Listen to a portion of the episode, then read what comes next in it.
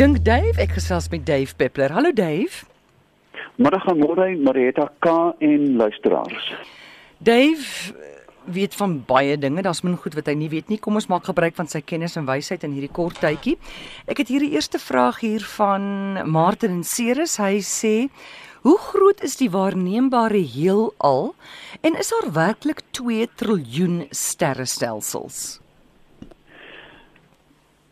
Die waarneembaarheid van die heelal het 'n reuse sprong gemaak met die lansering van die Hubble ehm um, ruimteteleskoop.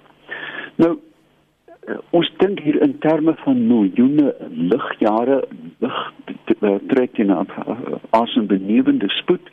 Nou kan jy begin indink hoeveel een ligjaar is. Jy weet die son se se strale neem enkele minute om by ons uit te kom. Nou met Hubble weet ons dat die heelal in die orde van 3,2 miljard um, jaar oud is. Dit dis hoe oud die ding is voor dit voor die oerknal. Ons kan nou die lig sien tot 'n paar miljoen jaar van die van die oerknal af. Maar nou volgende jaar, hooplik as alles goed gaan, het ons die nuwe 'n nuwe reuse ruimteteleskoop. En dan gaan ons binne persentasiepunte kom van die die die hoe ver ons kan terugsien. Dis nie net in sigbare lig nie, maar ook in die infrarooi resonansie van die oerknal wat nog byna reverbereer deur die ruimte en daar is teleskope en satelliete wat dit nou gekarteer het. Ek dink ek sit vanmiddag op my Facebookblad aan um, duifpeper.co.za met 'n fabelagtige beeld van hierdie van hierdie agtergrondgeruis van die oerknal wat ons nou nog kan sien. So, ons kan ons kan baie na aan die begin van van alles kom. En as dit kom by die aantal ehm um, by die aantal sterre, planete en sonnestelsels, gaan my net hierdie uh, uh, een voorbeeld. Jare gelede toe Hubble nog vars en jonk was, was daar 'n uh, dag of 3 wat niemand hom kon gebruik of wou gebruik nie. Hulle het toe Hubble vasgepen op 'n stukkie donker um, agtergrond. Jy weet daar hier en daar sterre, maar dan is daar ook donker kolle en die sluiter oopgehou vir 3 dae. Nou, die grootte daarvan is 'n half sekonde by 'n half sekonde en as 'n mens dit moet nou ekstrapoleer dan sal dit nou 'n paar maande neem om om die hele heel alwaar ons het 'n klein kolletjie gekyk en toe hulle die die beeld ontwikkel amore was daar 4700 sonnestelsels nie sterre nie waarvan elk miljarde sterre bevat. So as as ek met antwoord dan sê ek dis bykans ontelbaar Ek wil net sê ek weet mense skakel dalk maar op die oomblik kom maar geen oproepe deur nie. So ek is jammer, die beste sal dalk wees om te SMS 45770. Goed, Pieter wil weet, is dit moontlik? Hoe kan dit wees dat muskiete net een persoon in 'n kamer byt en nie die ander ene nie? Ah, ou storie. Ja, ek het 'n vriend gehad, um, Uncle Bobo. Jy weet dat Amore dat ek lyk soos 'n Alaska beer van die muskiete en hy nie een op hom het nie. Uh so daar is voorkeure. Um, muskiete zoom in op jou asem en liggaamshitte, maar dan is daar een element en dit is melksuur in die spiere. Hoe meer jy oefen en hoe fikser jy is, hoe meer gaan die muskiete jou byt. En ek dink die fisiologiese antwoord daarvoor is dat mense wat aktief uh, en fiks het, het 'n verhoogde bloedvloei. Ehm um, hulle het minder vet, liggaamsvet of ondervelvet. Met ander woorde, die aardkies en die kapillêre is baie nader aan die oppervlakte en het 'n ryker bloedtoevoer. Met ander woorde, uh, jy kan dit werklik beproef deur in 'n muskietomgewing vir 2 dae nie te oefen nie. Oefen die aand en dan kan jou waarborg dan gaan 'n liter bloed uit jou syp. Nou, daar het jy nou jou antwoord Pieter. Ons nommer hier probeer maar weer 0891104553. Julie Bierman wil weet sy sê sy het 'n wasplant in haar huis. Sy naam is Hoya carnosa. Hy's nou vol in blom. Sy hou hom binne sy huis. Hy ruik heerlik in die aand, in die nag, die wasblomme, maar hy ruik na niks deur die dag nie. Hoe is dit moontlik? Dit is absoluut moontlik omdat sy bestuiver 'n mot is. Ehm um, ja daar is 'n hele aantal plante in baie in die in die in die rykdom van plante wat spesifiek in die aand aanskakel. Een van die mees verruklike is 'n gladiolus, die aandblom. Gladiolus tristis nogal want hy sou die effens vaalgeel. Weet jy, uh, uh, uh, mense noem hom ook die kaneel, daar is ook 'n kaneelblom. Dat jy kan jou horlosie instel 10 oor 7 die aand byvoorbeeld skakel daai blom aan want die blom weet dit is wanneer die bestuiver heel moontlik 'n mond met 'n baie lang tong wat onder by die by die beloning van van ehm um, nektar kan uitkom en dan ehm um, word hy besuif.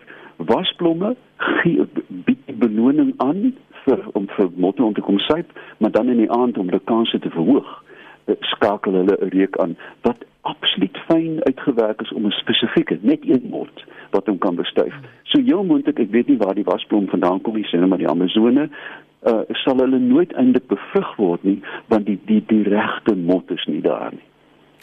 Goed, en dan wil Linda weet, hoekom is dit dat die Piet my vrou so aanhoudend voor reën roep? Ja, ek ek daarvan is ek nie so seker nie. Ehm um, Piet my vrou, soos jy weet, is 'n parasiet. Hulle lê hulle eiers in die in in in ander voëls se neste, met ander woorde bou nooit 'n nes nie, hulle maak nooit kleintjies groot nie en dan met die opkoms van die herfs en die winter vlieg hulle na ekwatoriale Afrika toe. Hulle osilleer tussen die ewenaar en ons. Ehm um, die moontlike verklaring mag wees dat voor reën is daar baie meer insekte wat vlieg muggies, reismure, jy weet mos die goed begin werk voor dit reën. Hmm. En Piet my vrous is intens territoriaal. Hulle roep nie om 'n wyfie te kry of wat hulle roep om die ander mannetjies te sê dis my plek hierdie. Ah, ek meen dit is 'n wrede ding om te doen maar in jare toe het ek 'n opname gemaak met 'n baie sensitiewe mikrofoon en 'n paraboliese reflektor en ek het dit Piet my vrou geroep dronk van woede dat hy tot teen my geloop het want uh, die uitgedink daar's 'n ander mannetjie. So, ek dink dit is maar 'n uh, artefak, dis nie noodwendig so nie, maar daar is gewoonlik verhoogde aktiwiteit van baie baie diere voor dit reën. Hmm uh, olifante weet dit, bokke weet dit, wildebeeste weet dit en ook die Piet my vrou. Iemand sê hier wat ook in Stellenbosch bly, hulle hulle wil weet is dit normaal as die Piet my vrou as die voel een hierdie oggend sy maatjie roep? Dis baie abnormaal. Ek vermoed hier is dit weer eens 'n die die gevolg van omgewingsbeligting. Jy weet mense sê ja, die kiwit in die dikkop en wat ook al het my so wakker gehou. Die arme ding kan nie slaap nie. Hy staan daar op die parkeerplek, jy weet onder helder ligte. Mm. En ons vind ook dat reg oor die wêreld diere se gedrag ingrypend verander wanneer daar stadsbeligting is. Dat hulle dat hulle hele eerstens hulle daaglikse ritme omver gegooi word, maar ook hulle gedrag. Uh, wat interessant is daar is um, in in in Europa 'n klein voeltjie 'n tut mense is dankbaar uit nie Afrikaanse naam nie. Ehm um, en, en die tuts voor tog is besig om 'n subspesies te ontwikkel omdat hulle so met hard met roep bo die verkeersgeraas. So totaal nuwe spesies ontwikkel in stede omdat hulle gedrag so verander word deur die mense teenwoordigheid. Dan sê iemand hierso, wat sê Dave? Is die aarde plat? Hoekom sien jy dan soms die maan en die son? ja, daar is natuurlik heelwat eh, groeperings om die wêreld wat nog altyd glo dat die aarde plat is. En as jy mens die ou Griekse um, reisigers veral Herodotus eh, lees, het 'n wonderlike boek geskryf oor die aarde. En hy het so ver suid gegaan as wat hy gesê het wie Ethiopië? So by Ethiopië. En dan by Gibraltar was die Hellespont waar die see afgestort het. En as jy met jou skipie verbygevaar het was dit Kubai. Ehm um, daar's ook 'n baie snaakse storie van Captain Slocum, Captain Joshua Slocum, wat alleen om die aarde geseil het in 'n klein walvisbootjie in 1895 en toe toe hy in Pretoria, hy, hy, die boot word toe herstel en hy klim op die trein want hy was 'n aanhanger van Paul Creed en hy kom en hy sê Mr President, I've come around the world to see you.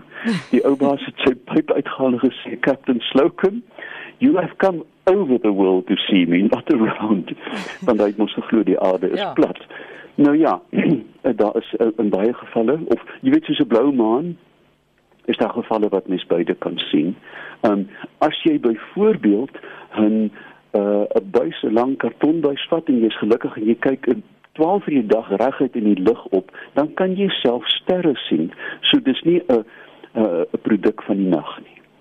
En en ek meen as jy geofisies gaan uitwerk die somme wat ek nou nie uit my kop uit kan doen nie, is die traject van die maan en die son soms beide sigbaar. Goed, en dan wil tuis weet, dink jy regtig Mars kan gekoloniseer word? Amore, ja, as jy in op op op Kreerplein, bestaan dit nog in Pretoria? Ja. Word dit nog? Ja, as jy 'n groot genoeg yskas bou, kan jy ysbeere daar aanhou.